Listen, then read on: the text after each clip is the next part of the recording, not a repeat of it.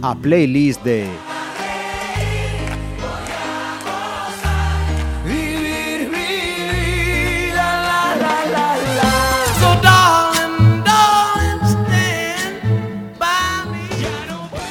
Llegados al viernes, saludos y arrancamos con esta playlist. Hoy nos acompaña un Pontevedrés con, con múltiples, múltiples eh, facetas. Veremos a ver si tocamos eh, todas ellas, pero lo que os aseguro es que vamos a conocer mm, unos cuantos secretos. Al menos yo por mi parte le voy a intentar sacárselos a Gerardo Lorenzo. Bienvenido. Hola. Gerardo, mm, sobran las presentaciones, ¿no? Pontevedrés, Sí, un Pontevedrés eh, más, un Pontevedrés un poco más conocido a lo mejor por las circunstancias, eh, pero sí, un Pontevedrés de base y un Pontevedrés eh, que lleva a Pontevedra donde se llevan los amores del alma, ¿no? Si tenemos que mm, buscar de, de profesión, me parece que ahí vamos, vamos, casi con una lista telefónica, ¿no? Bueno, tampoco. eh, eh, mi madre eh, nunca es capaz de explicarle bien a las amigas a qué me dedico yo cuando se lo preguntan. ¿no? Pero básicamente yo soy una persona que he hecho medicina, soy médico, he ejercido durante un tiempo, he sido oficial de la Marina y he estado en la Marina mucho tiempo. Y después la vida pues te va llevando y me llevó a, a facetas más eh, empresariales y dentro de las facetas empresariales más artísticas y también un paso por el deporte que me ha gustado siempre mucho con la presidencia del Pontevedra que, que duda cabe que me hizo un poco más conocido y, en mi ciudad y además que eh, a mí me hizo mm, sentir cerca el cariño de mucha gente que me apoyó en un proyecto que era muy difícil y que fue muy bonito, la verdad. Ujú. Empresario de hostelería también. Sí, bueno, eso es una. mm, Empezó como una anécdota, porque a través de amigos decidimos montar eh, algún pub y discoteca y hemos hecho pinitos en esa, eh, en, ese, en esa parte del ramo. Ha sido un negocio, digamos, periférico en mi vida de las empresas, pero sí ha sido interesante y divertido, aunque justo ahora estoy saliéndome, ¿no? De esa parte también, porque la edad también va pasando y ya queremos más comodidad. Y promotor de conciertos. Sí, fue una etapa preciosa. Hemos hecho. Nosotros hemos tenido mucho tiempo empresas audiovisuales, empresas relacionadas, relacionadas con el mundo de la comunicación, de la promoción cultural y de la asesoría de imagen. Y dentro de la promoción cultural y la asesoría de imagen nos llegó una etapa de, de conciertos eh, con, asociado con, con importantes promotores de, de Madrid. Y la verdad es que fueron 10 años más o menos eh, de- de- haciendo grandes conciertos que nos dejaron muchísimas satisfacciones y muchísimas experiencias vitales. ¿no? Eso es, es- así es. Vamos a irnos a aquel Gerardo Lorenzo de chiquitito. Habitualmente sois vosotros los que vais diciendo, bueno, pues ahora vamos a escuchar esto que me recuerda a tal, pero después de unas conversaciones previas que he tenido con Gerardo que hablaba, pues así, pinceladas, yo quería empezar siendo yo la que ponga el primer tema, si me lo permite, Siempre, ¿eh? y que me digas a dónde vamos. Perfecto. Yo, yo ya lo sé, pero quiero que lo, que lo escuchen Perfecto, vamos. los oyentes de Pontevedra Viva. Yo soy aquel negrito del África tropical que cultivando cantaba la canción del colacao. Y como verán ustedes, les voy a relatar las múltiples cualidades de este producto sin par. No hemos puesto la tele. Hemos retrocedido unos años y ¿dónde estamos, Gerardo? Bueno, yo creo que el Colacao es la infancia de toda nuestra generación, sobre todo la infancia de las familias numerosas de la época, que era un poco la merienda y la cena habitual, Colacao calentito con pan o con galletas, también en función de la casa en la que estuvieras. Pero es verdad que el Colacao eh, representó una etapa muy importante y a mí me pasa a veces, lo digo, cuando de repente voy a una casa y encuentro a, a una familia o unos amigos míos y están allí los, hijos, los hijos eh, pequeños en la cocina, tres, cuatro, tomando su colacao y tal, mm, o el sabor ese a cacao, ese olor que te explota en la bóveda craneal, eh, te traslada a la infancia, ¿no? Y ves allá a todos los Lorenzo cenando todos los días su colacao y tal, y sí, la verdad es que es una, a eso me lleva y, y me llena de nostalgia y, y, por supuesto, de sentimientos. No sé por qué, pero me da la impresión que, que esas, esas cenas tenían que ser muy bulliciosas. Bueno, yo creo que, claro, nosotros éramos cuatro hermanos, todos chicos, todos seguidos, y yo creo que éramos eh, el reflejo de la familia eh, media numerosa española. Es decir, yo no creo que en mi casa pasase ninguna cosa que no pasase en la mayor parte de las casas, porque todos éramos cuatro, cinco, seis hermanos, ¿no? Nosotros la verdad es que éramos chicos, todos seguidos, pues cambiábamos la ropa, las tallas, porque estábamos prácticamente crecíamos igual.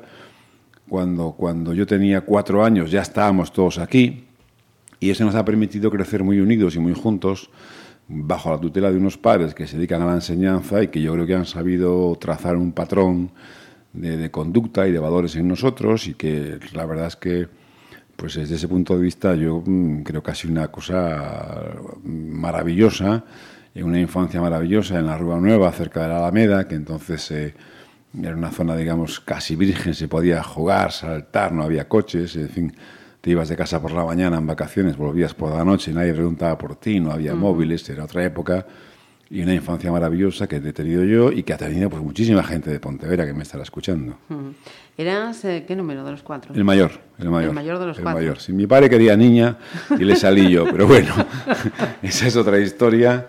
Y la verdad es que sí, soy el mayor y eso ha representado además, eh, pues, en fin, algo importante para todos los demás también, porque así he sido un poco a veces la referencia, ¿no?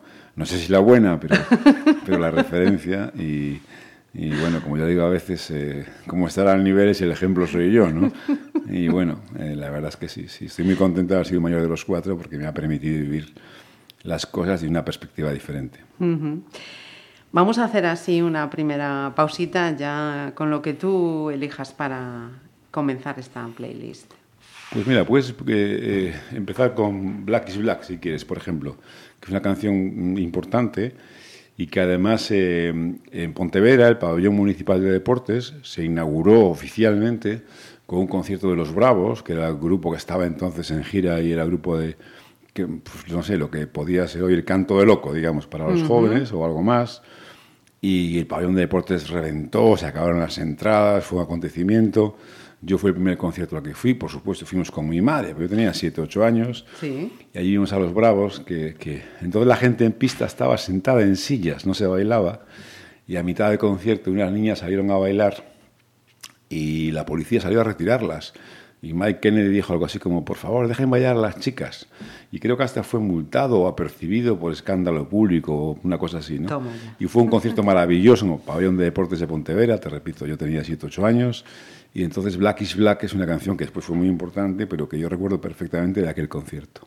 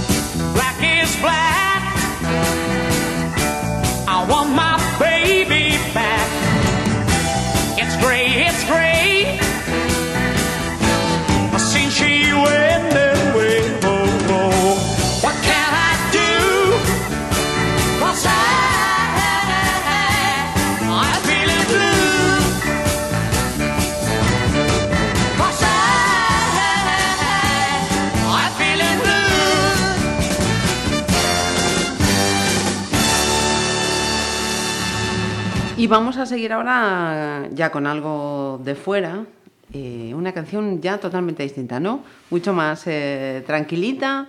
¿En qué momento estamos ahora de, de tu vida y por qué esta, esta selección? Bueno, eh, eh, Fernando es una canción de ABBA que fue muy famosa. Hubo un verano que sonaron especialmente dos canciones. Yo creo que eran Fernando de ABBA y de Nilsson una canción llamada Without You. Ajá, Aquellas dos canciones sí. sonaron, arrasaron. Era cuando la feria estaba donde vuelve a estar ahora, en la zona de los caballitos, y entonces los caballitos y todo aquello tenían- ponían siempre la última música y tal. Y aquel verano Fernando de ABBA arrasó, eh, la de Nilsson también arrasó, y yo además eh, eh, salía con una niña que entonces fue reina de las fiestas, y recuerdo que en la en Radio Pontevedra le habían puesto esa canción y tal, y a mí la verdad es que lo de Fernando de Ava es una canción que me gusta, me sigue gustando mucho y representa aquellos 14, 15 años eh, que teníamos en Pontevedra, en la Alameda todos, ¿no? O sea, con 14, 15 años ya comienza, porque hay que decir, yo voy a ser sincera y voy a ver si rompo algunos tópicos o no son tópicos. El tema de Gerardo y las mujeres, Bueno, como el de cualquier chico. Yo creo que como el de cualquier chico con las mujeres, ¿no?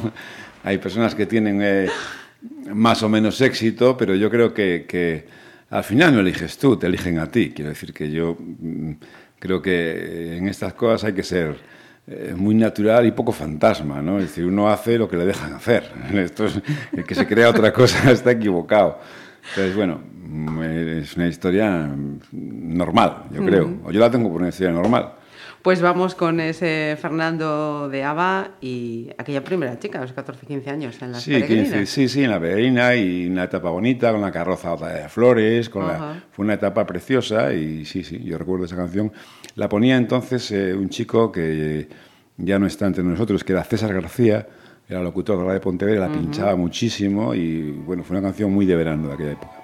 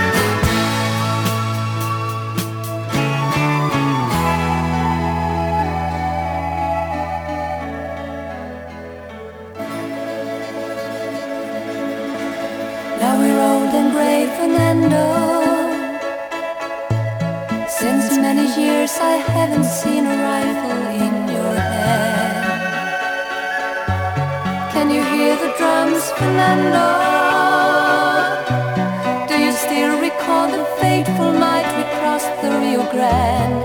I can see it in your eyes, how proud you were to fight for freedom in this land.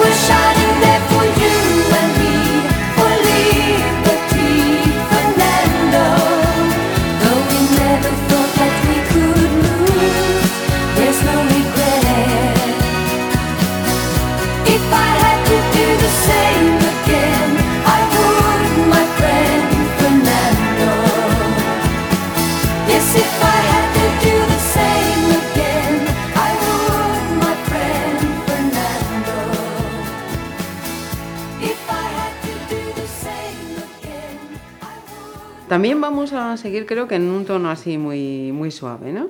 Sí, bueno, hay una canción que yo creo que ha marcado una época para, para aquella generación, que es la canción de Black, se llama Wonderful Life. Ya era un poco más la etapa de Daniel Boone, de las discotecas, de los 18, 20, una cosa así, o, o no sé si puede que algo más, pero era una cosa, ya, ya sonaba discoteca, ¿no? Y yo creo que fue uno de los grandes éxitos de la, de la época, mm, de la posadolescencia, y, y yo recuerdo esta canción con mucho cariño. Todavía se la, la repiten muchas emisoras de radio porque es un clásico y la verdad cada vez que, mm, que suena ahí me recuerda a los tiempos de Daniel Boone, de las boutiques de Pontevedra, de las bodas de Pontevedra, perdón, de las fiestas y la verdad es que era muy... Le tengo mucho, con mucho cariño a esa canción. De aquella Gerardo todavía no había marchado a estudiar medicina, estabas todavía aquí. No, estaría, pues ya, no, ya estaría en medicina, ya estaría en Santiago también.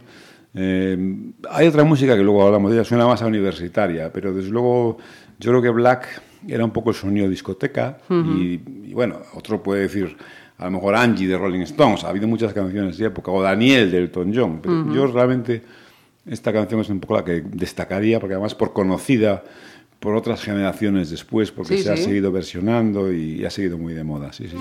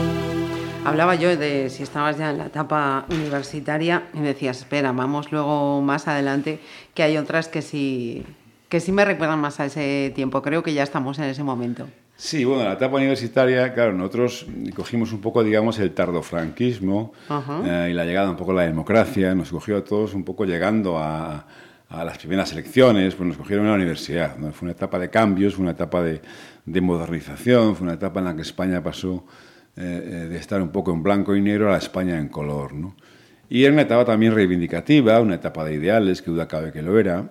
Y yo recuerdo una etapa, por ejemplo, el nacimiento del disco de Luis Emilio Batallán, Ahí vengo Mayo, fue un disco que yo desde la, desde la perspectiva universitaria lo recuerdo como un disco importante, a mí me gustaba muchísimo, lo ponía muchísimo, yo incluso lo ponía para estudiar, lo tenía de fondo, eh, me tapaba ruidos, me aislaba, me gustaba mucho. Y la verdad es que la canción Ahí vengo Mayo de Batallán fue una canción que durante un tiempo eh, eh, pues, pues marcó una etapa importante. Y además Batallán era uno de los nuestros, era uno de, uno de Pontevedra y era como una cosa muy importante que alguien de aquí Despuntar. hiciera un trabajo Bien, tan bien. importante y la verdad es que yo recuerdo esa etapa con el álbum de Batallán como algo eh, eh, pues muy importante para mí. ¿Y medicina por qué?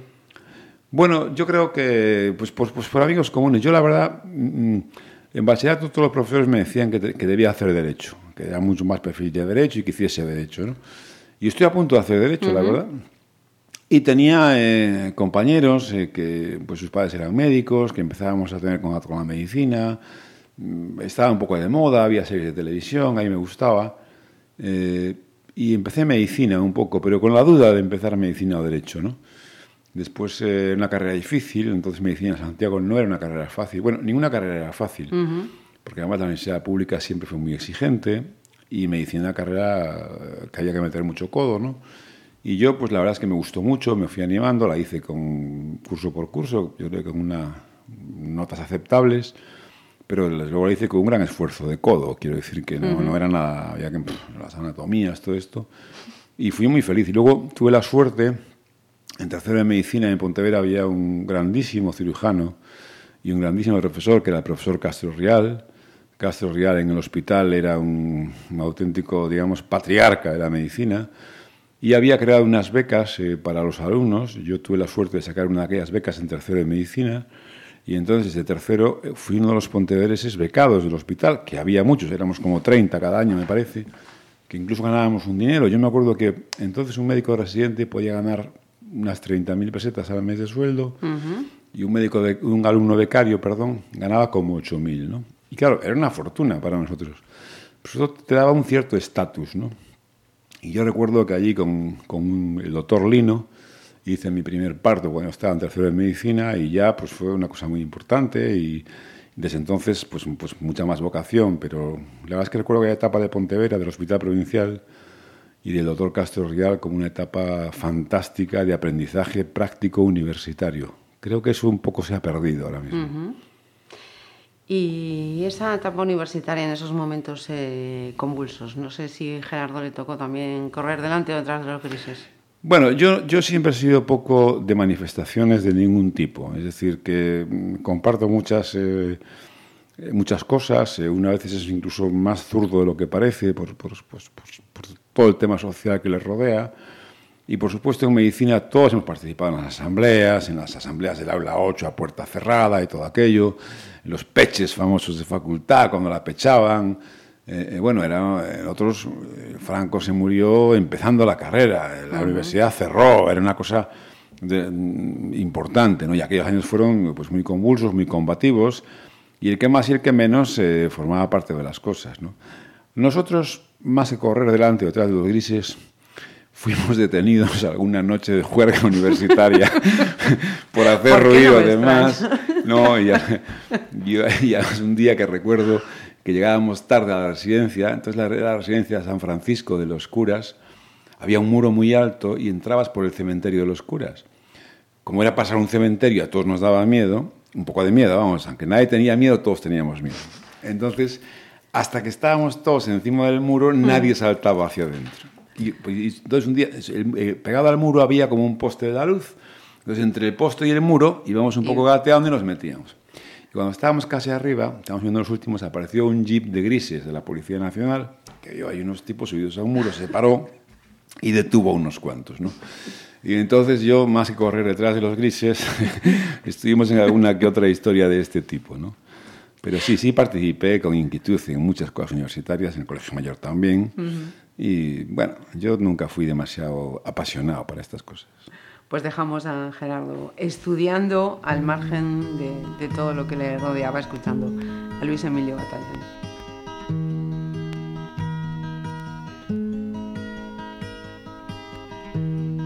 Aí ven o maio de flores cuberto Puxéronse a porta cantando meus nenos.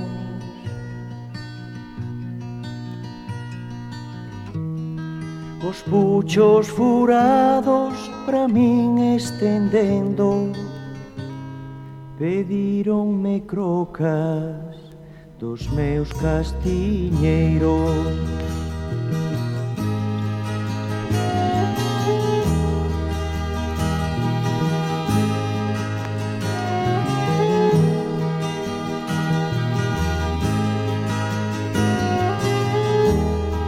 Rapazoas hai rapaciños calados e quedos Que o que polo de hoxe que darvos non teño.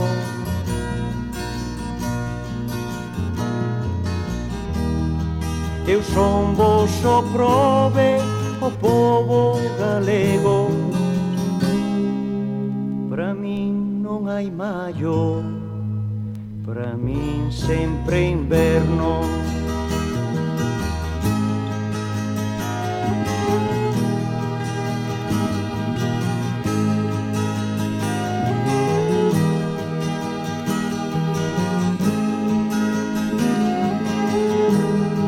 Quando eu me atopare, de donos liberto Eu pano moquite trabucos e préstemos.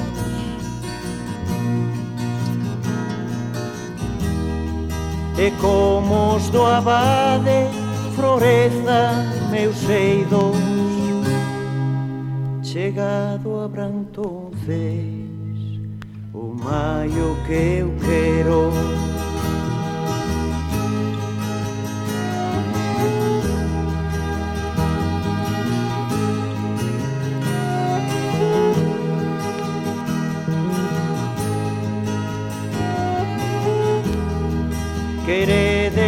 castañas dos meus castiñeiros.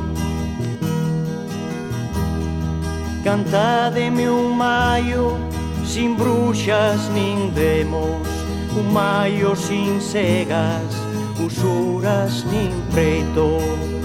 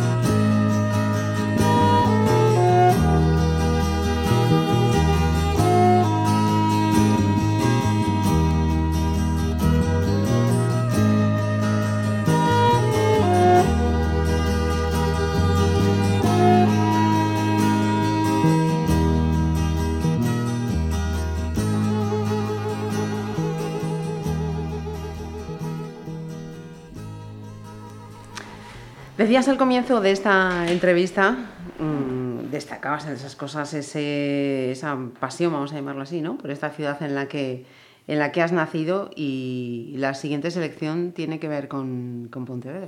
Sí, es una canción del grupo Milladoiro que se llama Aires de Pontevedra. A mí Milladoiro fue un grupo que me gustó siempre mucho, me sigue gustando mucho. Y en la etapa universitaria me gustó muchísimo. ¿no? Y Aires de Pontevedra es una de las canciones que, que también les definen. Y que, bueno, pues como yo siempre digo, ya hay muy pocas cosas que pasen por España en el nombre de Pontevedra. ¿no? Entonces, esta canción a mí me gustó siempre mucho, pero yo también he seguido toda la trayectoria de Milladoiro, tengo toda su discografía y forma parte de mis grupos eh, importantes. Y en esa etapa del fin de la universidad, etapa final, pues era un grupo que yo seguía mucho, mucho, mucho. Por eso los he escogido también. Yo he intentado escoger un poco música que representa diferentes etapas de mi vida. No sé si es el objetivo que hay que venir aquí. Entonces, Milladoiro es un grupo importante para mí, sí, sí lo es. Y lo sigue siendo. Está siendo un buen hilo conductor, así que vamos a terminar esa etapa universitaria.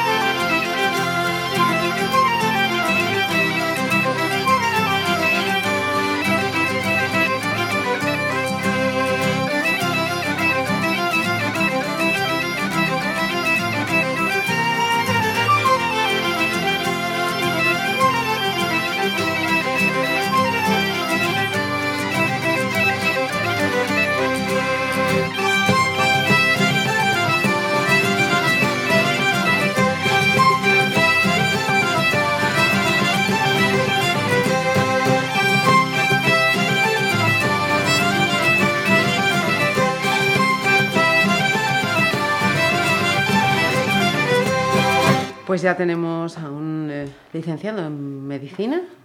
Bueno, sí, con 23 años, como casi todos, y empezando a ejercer. Yo mm, estoy a punto de quedarme en el Hospital Provincial de Pontevedra, porque tenía, había sido becario aquí, como he dicho antes. Me salió una plaza de médico interno en un buen centro de La Coruña, y yo además tenía previsto eh, ingresar en la Marina como IMECAR y quedarme como médico del ejército, ya lo tenía un poco organizado, como médico de la Marina. Y entonces pues me trasladé a La Coruña a vivir, sí. Y me fui de aquí con... Al acabar la carrera no llegué a ejercer en Ponte. Estuve unos días en Campo Lameiro, estuve en Campo Lameiro cubriendo una baja, pero yo me fui rápidamente a La Coruña y ejercí muy rápidamente en La Coruña. Estuve en el Sanatorio San Rafael y después en el Sanatorio Modelo con la familia Cobian, que fueron siempre como unos padres para mí que me formaron muy bien.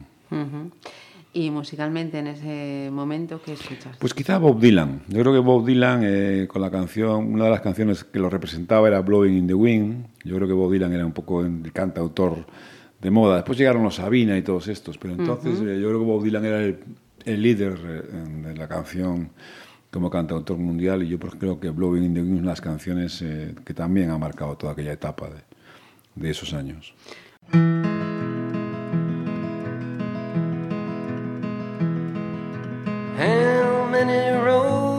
Must a man walk down before you call him a man? How many seas must the white dove sail before she sleeps in the sand? How many times must the cannonballs fly before they're forever banned? The answer, my friend, is blowing in the wind. The answer is blowing in the wind. How many years can a mountain exist before it's washed to the sea? How many years can some people before they're allowed to be free? How many times can a man turn his head and pretend that he just doesn't see? The answer, my friend, is blowing in the wind. The answer is blowing in the wind. Times must a man look up before he really sees the sky? How many ears must one person have before he can hear people cry? How many deaths will it take till he knows that too many people have died? My friend, is blowing in the wind. The answer is blowing in the wind. The answer, my friend, is blowing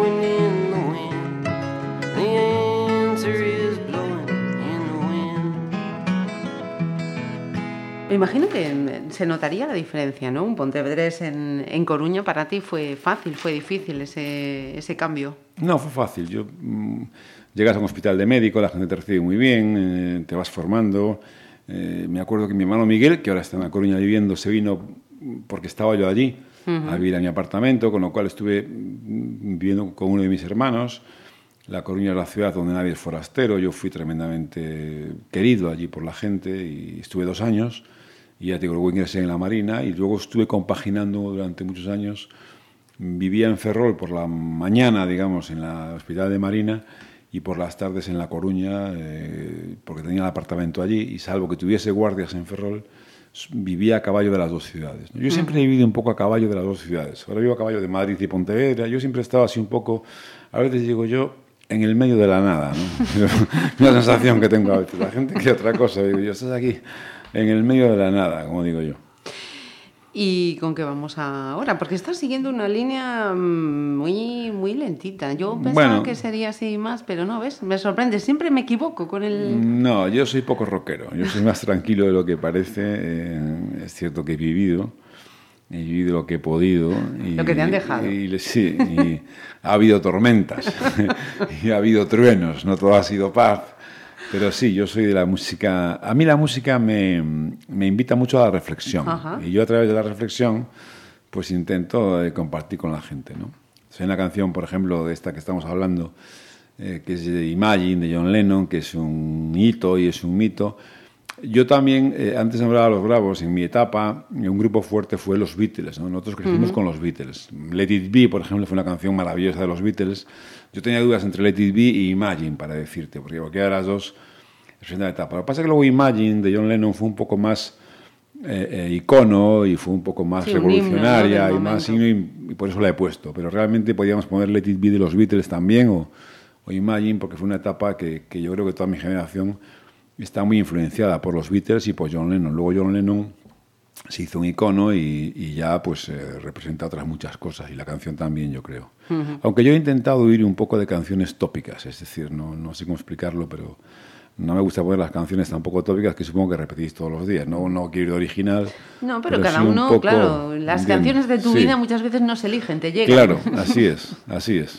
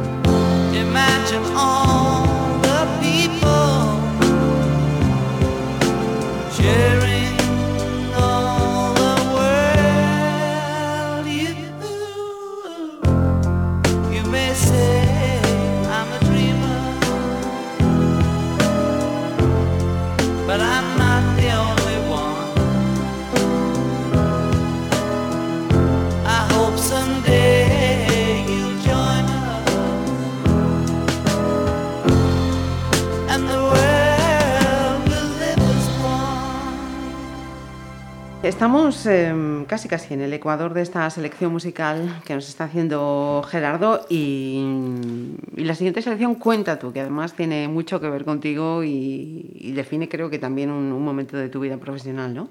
Sí, la siguiente canción es una canción de Pavarotti, de Luciano Pavarotti. La canción se llama Caruso, una canción que todos conoceréis en cuanto suene, a lo mejor no por el título, pero es muy conocida. Yo tuve la suerte y la oportunidad de organizar el último concierto de Pavarotti en España y uno de los últimos conciertos de Pavarotti vivo. Eh, y, y la oportunidad de conocerle y tratarle durante varios días. Él fue una persona, verdad es que muy tierna, muy cariñoso conmigo, compartimos unas, algunas conversaciones y fue una experiencia pues que te sorprende, porque lo último que yo pensaba es conocer a Pavarotti, las cosas como son. Dicho todo sea Sí, sí. en el contexto, ¿no? Y la verdad es que fue una experiencia muy bonita, conocerle, tratarle, estamos en el Obradoiro, haber estado ahí ensayando y tal. Era un día mucho calor, eh, hizo un concierto maravilloso eh, y yo recuerdo con especial cariño esos días y por eso de los, de los conciertos que yo hice fue uno de los más importantes y de los que más representó y además por el esfuerzo que supuso traerle a él y a toda su orquesta a España y tal, que fue casi un año de trabajo de todo un equipo de gente, lógicamente, no solo mío, yo era un poco la cabeza visible, Pero allí detrás hubo mucha gente trabajando y entonces eh, yo creo que Luciano Pavarotti ocupa un lugar muy importante en mi corazón. Y, y en ese momento, Gerardo, profesionalmente, personalmente, ¿dónde, cómo está? Bueno, estábamos ya en una etapa que la empresa audiovisual estaba, iba como un tiro.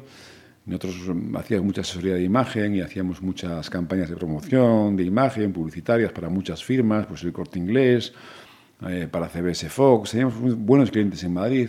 La Junta era también un buen cliente. eh, eh, trabajábamos también con la Agencia de Medio Ambiente de Madrid, que entonces estaba en manos del PSOE, con lo cual estábamos políticamente en, todos los, trabajando con todos los gobiernos, estábamos muy contentos. Y en Galicia pues nos tocó organizar algunos conciertos y la verdad es que fue una etapa con Jesús Manzano y con Carlos de socios hicimos una etapa maravillosa de, música, de empresa musical y de- y una promoción de conciertos que yo creo que algunos de ellos eh, pues se recuerdan con, con- con- cariño. ¿no? Yo recuerdo, por ejemplo, el de Red Hot Chili Peppers que hicimos en el Monte de Gozo, que fue más justo el día que el Pontevedra ascendió a segunda división, porque era el día del partido de Lorca, y estaba justo acabando el partido de Lorca y empezando el concierto, con lo cual la alegría fue doble. ¿no? Y la verdad es que sí, fue una etapa empresarialmente muy interesante, muy amplia, muy internacional.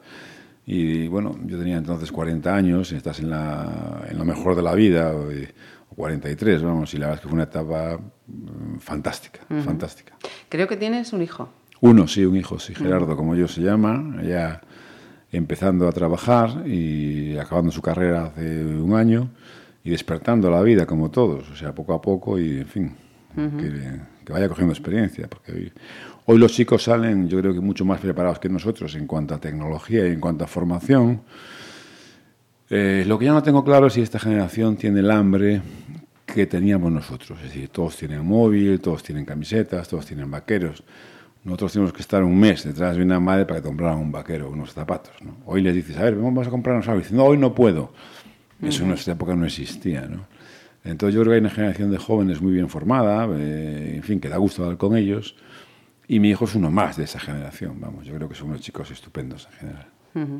¿Te cambia la vida mucho eso cuando de repente soy padre?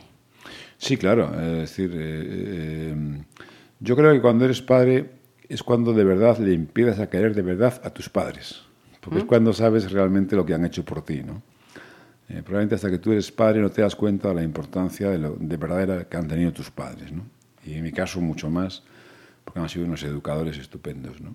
Pero bueno, ser, tener un hijo te dice que hay una continuidad, que cuando tú no estés esto va a seguir, que hay alguien que viene detrás y que te obliga un poco pues, a estar más centrado, más esforzado y, y bueno, a transmitir también un sentido de responsabilidad y a transmitir unos valores que también a ti te han transmitido y bueno, y, a- y también te permite convivir y compartir un montón de cosas. O sea, a mí mi hijo me hace un montón de compañía y hay muchas cosas genéticas que se heredan incluso en los gestos. A veces le ves y te recuerda cosas y bueno, es una experiencia eh, fantástica. Yo he tenido mucha suerte, me entiendo muy bien con mi hijo.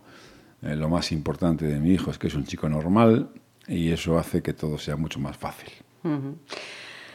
Pues con estos dos Gerardos y Caruso nos vamos a quedar.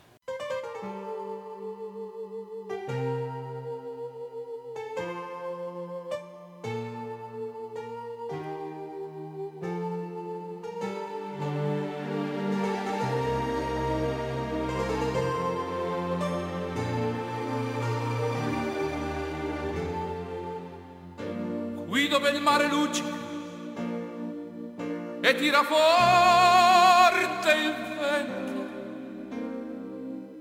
su una vecchia terrazza davanti al golfo di Sorrento un uomo abbraccia una ragazza dopo che aveva pianto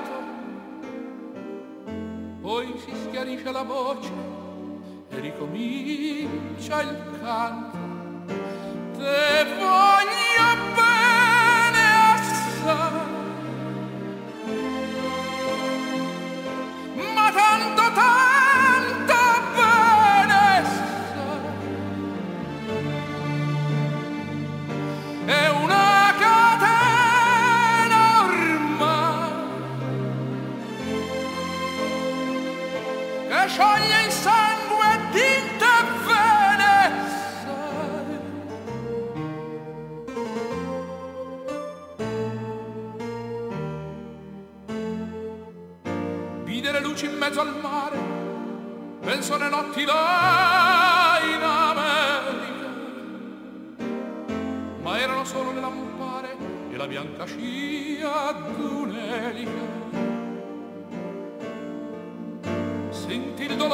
musica, si alzò dal piano forte.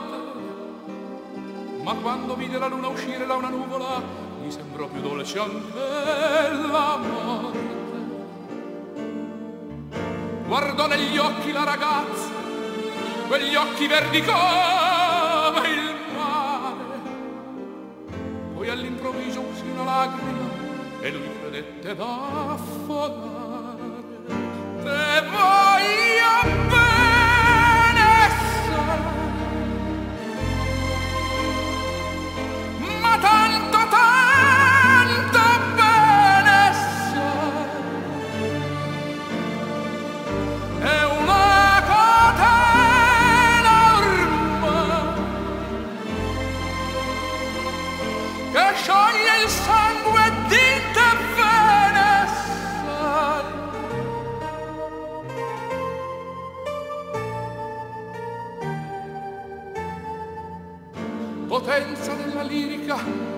Ogni dramma è un falso. E con un po' di trucco e con la mimica puoi diventare un altro. Ma due occhi che ti guardano così vicini e veri ti fanno scordare le parole confondono i pensieri. Così diventa tutto piccolo anche le notti là in America. Ti volti e vedi la tua vita come la scia d'un'elica. Ma sì è la vita che finisce ma lui non ci pensò poi tanto. Anzi si sentiva già felice e ricominciò il suo canto Te voy a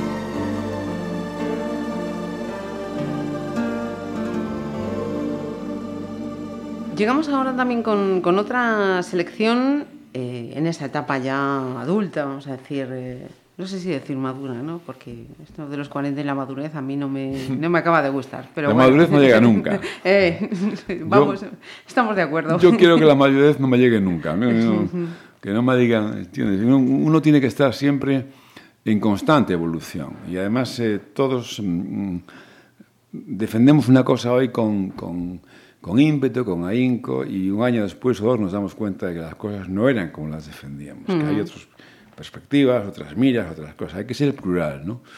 Entonces yo creo que la madurez como concepto no existe. Y el que se sienta maduro, desde mi punto de vista, es un, un viejo terminal. Es decir, estamos en evolución constante a cualquier edad. ¿no?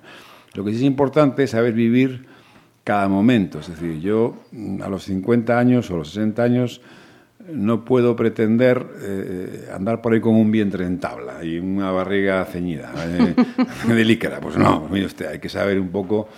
Ubicarse en el momento, Hay que ir con cada cosa. Pero dentro de eso, eh, eh, ir cumpliendo años es una experiencia fantástica y, y hay que sentirse siempre joven de espíritu, pero, pero luego también consciente de la edad que tiene cada uno. Me llama la atención precisamente que en ese momento en el que estamos con esta selección, vuelvas a Creedence. Bueno, porque Creedence, eh, Creedence fue un grupo también de la adolescencia. Hay una canción que se llama Have You Ever Seen the Rain, que es una canción, eh, todo lo llama siempre Have You Ever. Es una canción conocida, que todo el mundo llama así. Es una canción que marcó una época y fue una canción que se sigue versionando, que siguen apareciendo cosas y tal. Le- los Creedence fue un grupo que, junto con los Beatles que marcó muchísimos años. Estos, los Creedence venían de América y los Beatles venían de Inglaterra. Fueran un poco la alternativa. En, Ingla- en- en América se intentó que la alternativa a los Beatles fueran los Monkeys, ¿no? Los Monkeys no cuajaron de aquella manera y luego aparecieron los Creedence como otros grupos más. Y fue un grupo muy importante, eh, eh, eh, con los hermanos Fogerty durante mucho tiempo. Y Have You Ever fue una de las canciones, yo creo que míticas, que, que todavía siguen sonando y que a mí me ha marcado. Y que yo creo que todo el mundo conoce, que todo el mundo recuerda y que las generaciones jóvenes también las, la conocen porque se versiona ahora. Por eso no la he puesto al principio y sí un poco más al final porque eh, algunos pensarán que, que es de su edad. No, no, esto es de muy atrás y se ha versionado, se ha vuelto a hacer.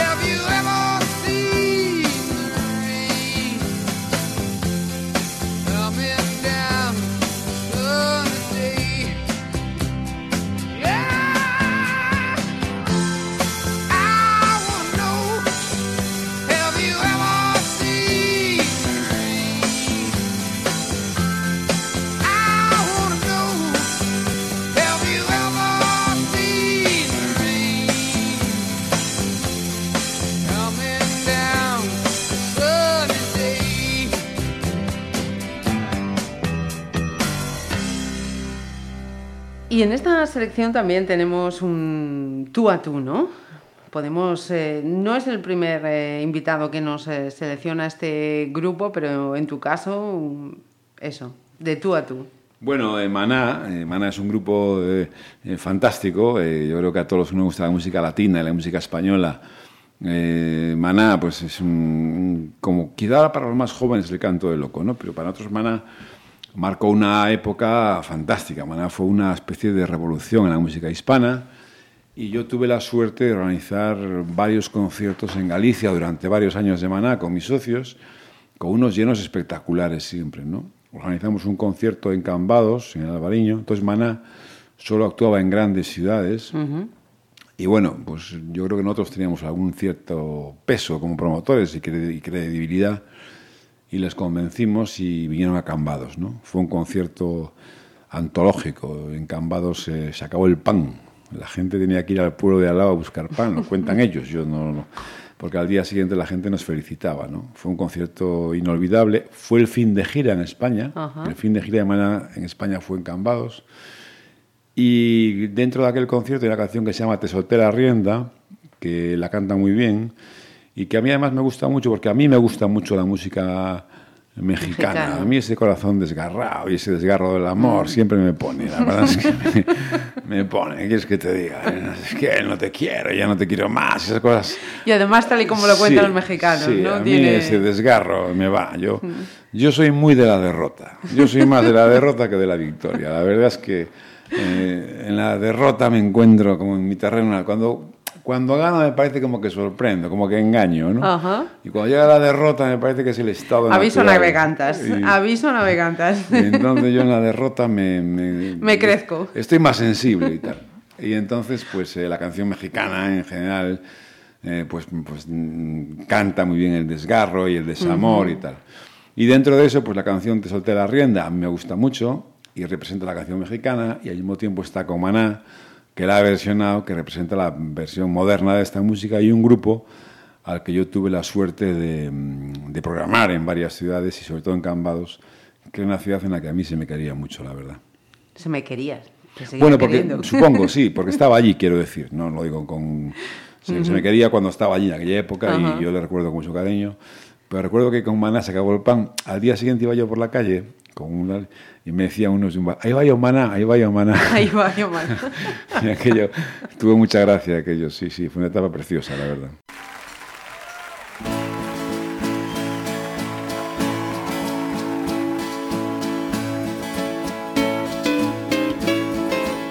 Se me acabó la fuerza de mi mano izquierda. Voy a dejarte el mundo para ti solita. Como el caballo blanco, le solté la rienda. A ti también te suelto y te me vas ahorita. Y cuando al fin comprendas que el amor bonito lo tenías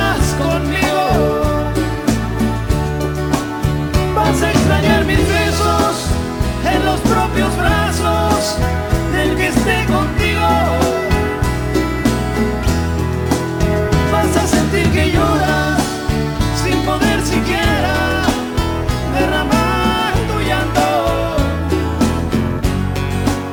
Y hace querer mirarte en mis ojos tristes que quisiste tanto, que quisiste tanto,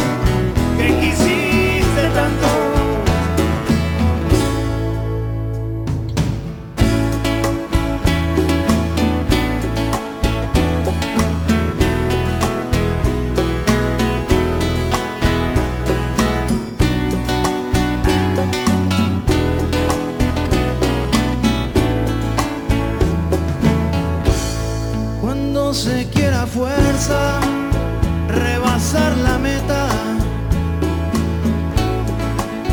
y se abandona todo lo que se ha tenido. Como tú traes el alma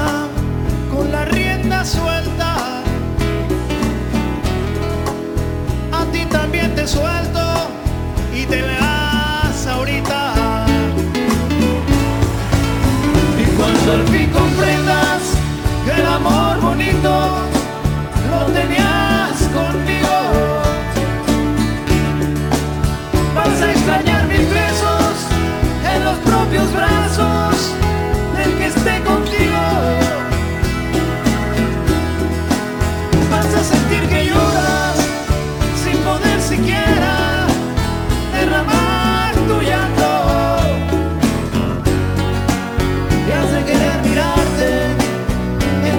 tristes que quisiste tanto, que quisiste tanto y que quieres tanto.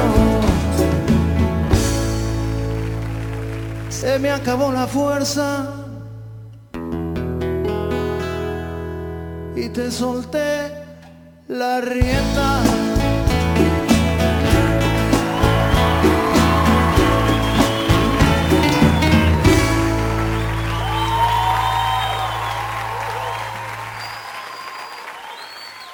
Entramos ahora en el momento rompedor, vamos a decir, ¿no? Rompemos totalmente la línea, decías, no quiero ser clásico, no quiero entrar en tal.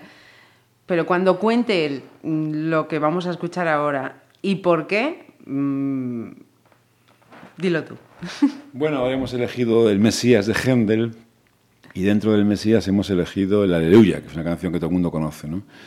A mí el Mesías de Händel me parece una pieza absolutamente navideña. Yo soy muy navideño, pues creo que como todas las familias numerosas, y soy muy de Navidad. Entonces yo desde hace muchos años tengo como una máxima y es que durante las Navidades solo pongo el Mesías. En mi casa o en el coche llevo siempre puesto el Mesías. Es una pieza que hace más de 30 años ya que pongo. Tengo muchísimas versiones, versiones cortas, largas, con texto, sin texto, de solo coros. eh, Y a veces viajo fuera de España y encuentro una versión nueva y me la compro también. ¿no? Y entonces Mesías de Händel es una pieza maravillosa. eh, la compuso Händel en un momento de su vida fantástica. El Aleluya es la- una de las canciones más conocidas de todo el, el- la obra, digamos, y para mí es una pieza cumbre de la música clásica y es una pieza cumbre en mi vida que te repito, todos los años, del 8 de diciembre al 6 de enero, yo no escucho otra cosa. Bueno, a veces en Noche de Paz, pero La solo es- familia, la familia encantada, ¿no? Como Sí, sí, bueno, me, mi hijo a veces en casa echa humo porque, porque ya la cuarta vez que suena el disco y dice, pero por favor, un poco de tregua, ¿no? Nos ha pasado, cuando él estaba en la universidad, claro, un universitario donde menos estás en el Mesías, ¿no? Y a lo mejor nos veníamos el 18 de diciembre o el 19 ya para Pontevedra de vacaciones. en el coche. Entonces yo ponía el Mesías y veníamos hasta Pontevedra con el Mesías y él me decía, deja que pase Navidad, que ya te pondré yo mi música. Ñaca, ñaca, ñaca, ñaca. Te te vas a enterar. Y después tragaba yo quina en otros viajes a Madrid, sí, sí. Y ya que conoces tantas versiones, ¿alguna que nos mm, recomiendes? Yo aquí tenía seleccionada una, no sé si es la que tú en especial. Bueno, alguna, cualquiera. A mí la de Solti, la versión de George Solti me gusta mucho, pero hay cualquier... eh, yo siempre digo que cualquier orquesta inglesa, cualquier orquesta inglesa versiona bien el Mesías. Yo he traído a España a varios Mesías en Navidad a cantar en- a- a- y siempre los he traído de Inglaterra. Hay también en Madrid una compañía que, que lo hace muy bien, una compañía española, pero el Mesías es una pieza básicamente que cantan muy bien los ingleses. Con coros. Con coros, sí, con coros. Y cualquier eh, orquesta y coro inglés te lo canta de maravilla. No, no sabría decirte ahora una, una especial. Yo tengo dos que me gustan, la de George Solti y luego una que encontré, una que se llama Mesías Arias y Chorus, que la compré en Nueva York en un viaje y que me gusta cómo está versionada. Y es un grupo de estos de, de colegio universitario eh, americano con orquesta, pero muy, muy bonito. Mm.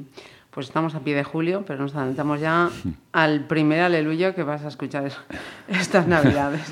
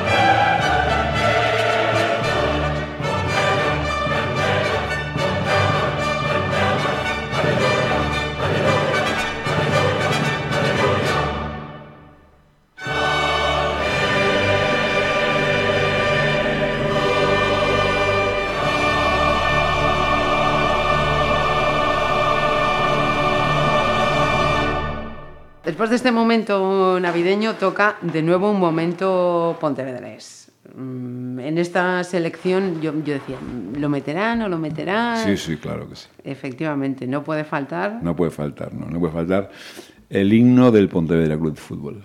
Yo creo que no puede faltar por muchas razones. Primero, como pieza, es una pieza fantástica, que lo canta la Polifónica de Pontevedra, y es una pieza muy bien, muy, muy bien eh, eh, construida, en texto y en música. ¿no? Y luego es una pieza que produce una emoción enorme a cualquiera que haya nacido y se haya criado con el himno. Es decir, yo iba a Pasarón con 7 y 8 años y ya ponían esa canción, la tengo grabada en el disco duro de mi cabeza, que es bastante dura, y, y es una canción que a mí me produce, además de que me gusta mucho, me produce mucha emoción. ¿no? Yo he presidido muchos eh, actos de- del Pontevedra Club de Fútbol y mm, siempre intenté que sonara la canción en las salidas al estadio, al campo, en homenajes a la gente de la que Roelo. Y es una canción que yo creo que ha producido y producía emociones colectivas. Yo he visto, he visto a fu- futbolistas de la que Roelo en homenajes nuestros aguantar perfectamente todo el homenaje o todo el acto y a sonarle la canción de Laike Roelo, o sea, el himno del Pontevedra, eh, emocionarse, venirse abajo. Y es una canción que me parece maravillosa, apoteósica, por lo que es y por lo que representa. y, y para escuchar de pie, como digo yo.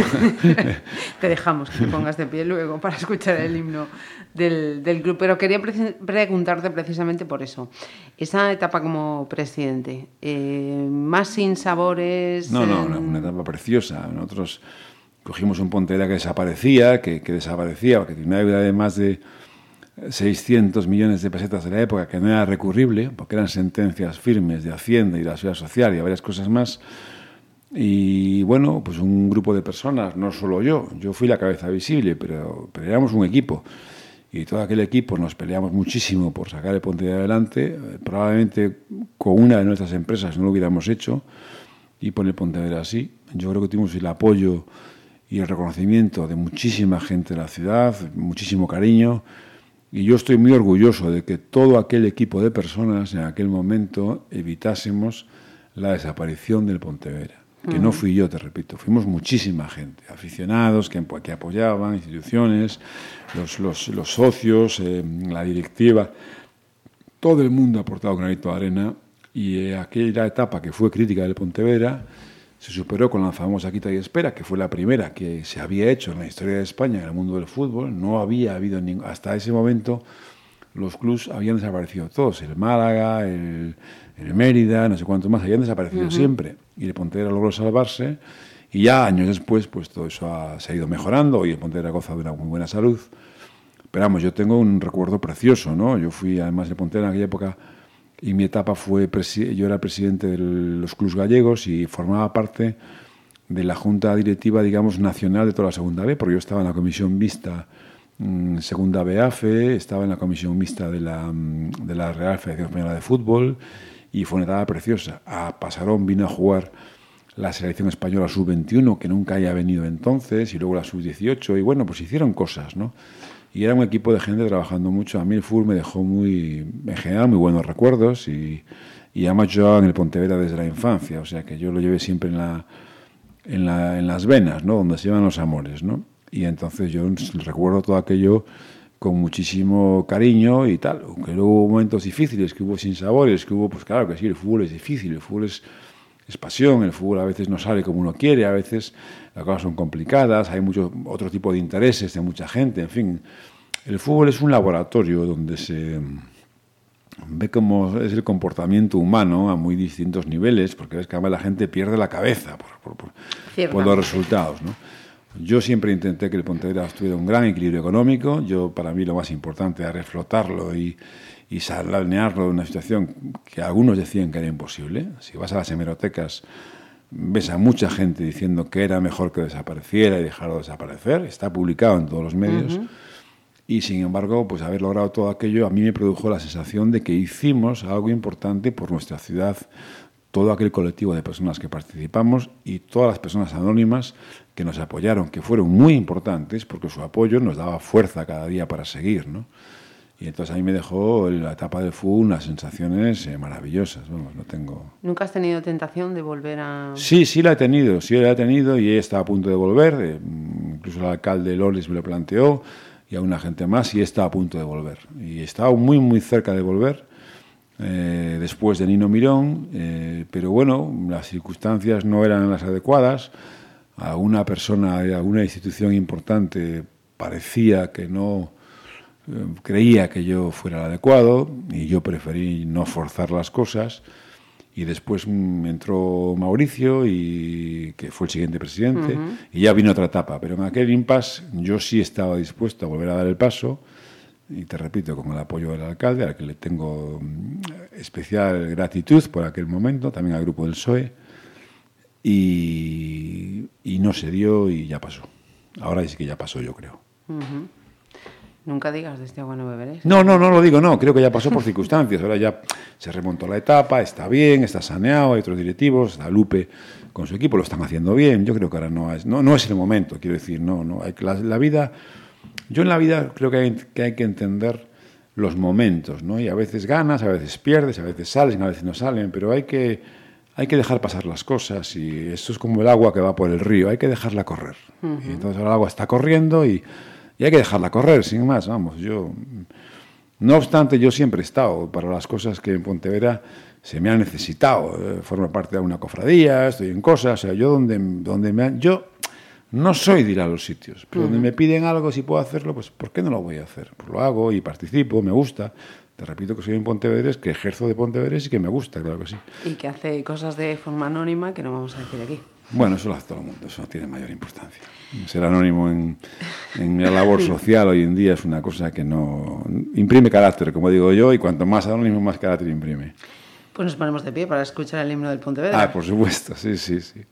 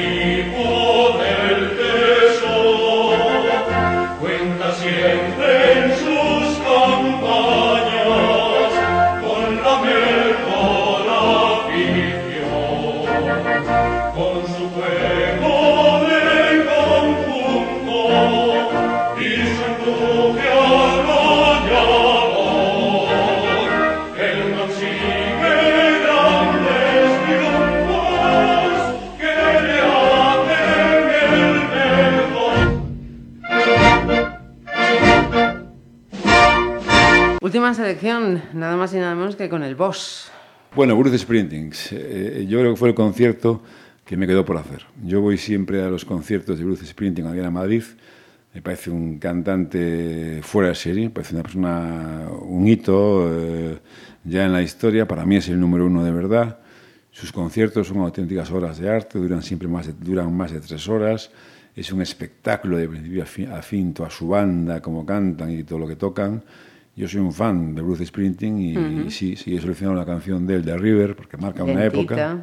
Marca una época, pero sí, sí, sí quiero destacar a Bruce, claro que sí. Pues eh, era la última o casi penúltima lista mm, que nos había hecho, porque tenía yo aquí reservada en la recámara otro tema que va a ser el último que escuchemos. De momento nos quedamos con Bruce Springsteen.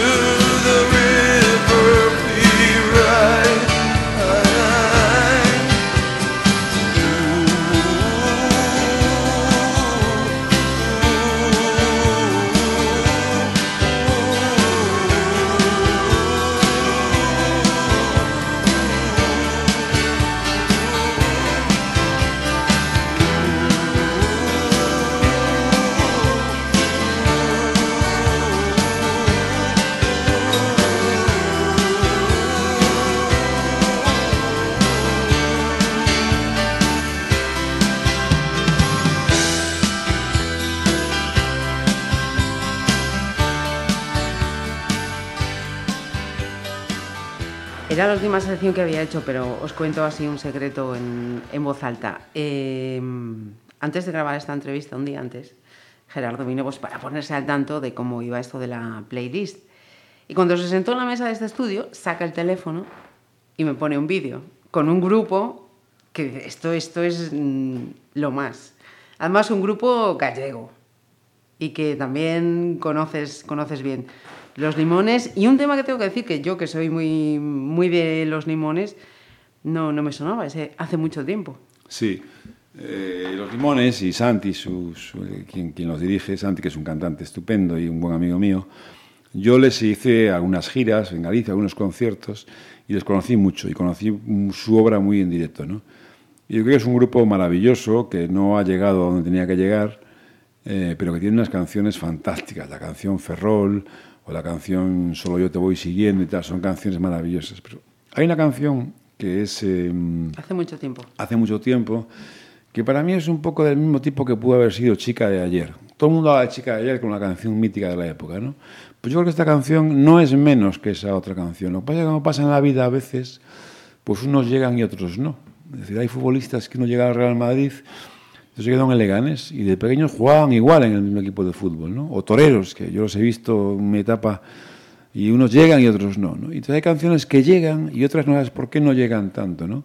Y yo esta canción de, de Los Limones, que cuando se la escucho cantar a Santi, siempre se la pido. Cuando cantúa Santi, se lo digo, no me te olvides de cantar esta canción y tal. Me parece maravillosa y creo que es una de esas grandísimas canciones, súper tiernas. Yo la llevo en el móvil grabado y de vez en cuando en algún banco que me siento, a veces la pongo y la escucho así, sin más, o en el coche, porque así me da, ¿no? Y entonces una canción para mí muy importante y que creo que debería tener, haber tenido un significado y muchas más versiones de las que ha tenido. Estoy seguro que la gente cuando lo escuche eh, lo va a compartir, lo va a pensar. Antes de terminar con los limones, eh, si os digo, imaginaos a Gerardo Lorenzo, pues no sé, en el Dux, una noche, con un vaso en la mano. A que ninguno me vais a decir que lo que llevaría dentro sería una Fanta o una Trina. Bueno, yo, eh, yo no tomo alcohol, no, no, no lo he tomado nunca, no soy nada de alcohol. Bueno. Y no, no, no tomo, no, lo pruebo, ni siquiera vino, soy un desastre, la verdad me hubiera gustado.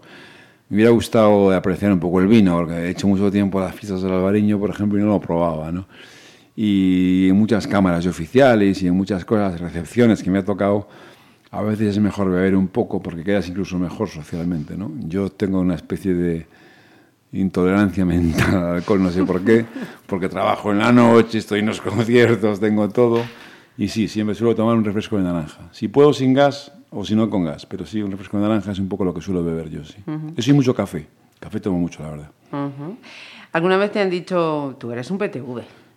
¿Un? PTV. Sí, lo han dicho. Yo, yo creo que. Sí, lo han dicho. Yo creo que eh, mm, si ser un PTU es algo peyorativo, eh, pues no lo sé. Pero yo soy un chico de Pontevedra, que nací en la Rúa Nueva, que es un barrio que está muy próximo a la Plaza de Toros, que fui a un colegio público aquí toda la vida, hijo de profesores, y que me crié en Pontevedra, y que hice muchas cosas que hemos hecho todos los pontevedreses. Pues fui al Carrillo de María de pequeño, fui a la tienda de Pirelo, jugué en la herrería, jugué en la Alameda, hice de todo. Es decir, claro que sí, soy un pontevedrés que además ejerzo de pontevedrés y termino como empecé, ¿no? Yo llego a esta ciudad que se llama Pontevedra, donde se llevan los grandes amores del alma. No sé si siempre lo demuestro, pero, pero sí lo llevo. Y desde ese punto de vista me siento un pontevedrés de verdad. Ahora, mm, no un pontevedrés mejor que otros, pero un pontevedrés de verdad sí. Yo no sé si aquí nos ha estado dando una imagen de un Gerardo tranquilo, que vale, que vive la noche, que tal, se ha dedicado a esto, a lo otro. Pero resulta que uno le pregunta al señor Google Sí. y te, te pone el, el hermano crápula de... Ah, no lo sabía. no, no, yo no. Yo, yo manejo poco internet, la verdad. Manejo muy poco internet. Pero bueno, ya te he dicho antes que en esta vida de luces hay sombras y que ha habido tormentas y que ha habido muchos truenos. No, no. Yo he hablado de forma de metáfora, pero sí he hablado. Pero bueno, yo soy un espíritu tranquilo, pero soy un espíritu aventurero también.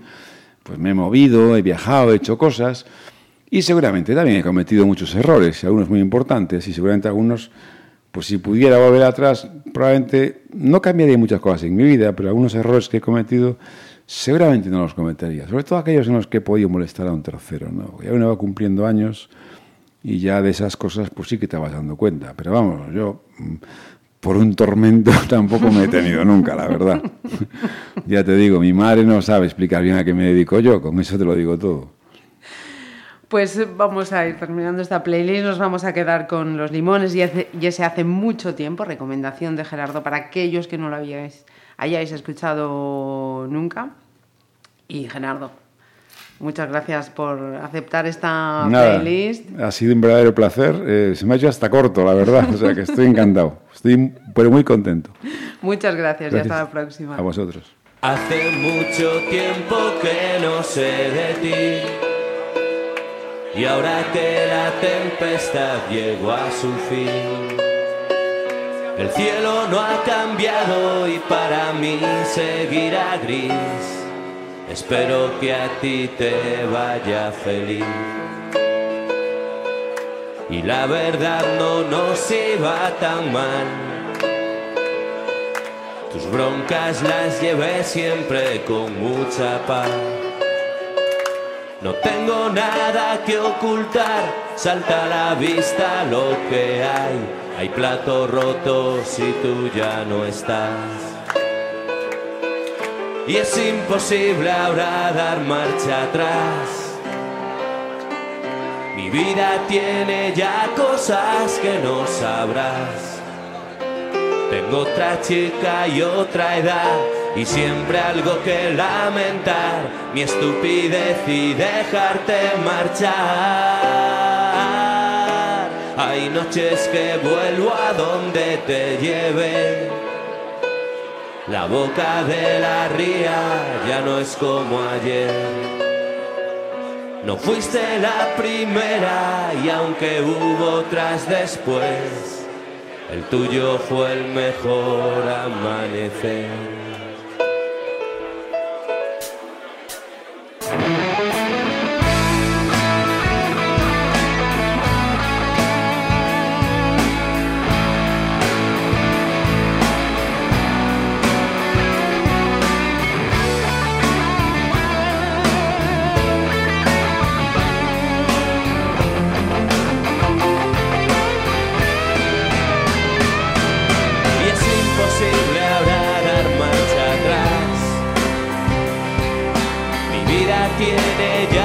Cosas que no sabrás.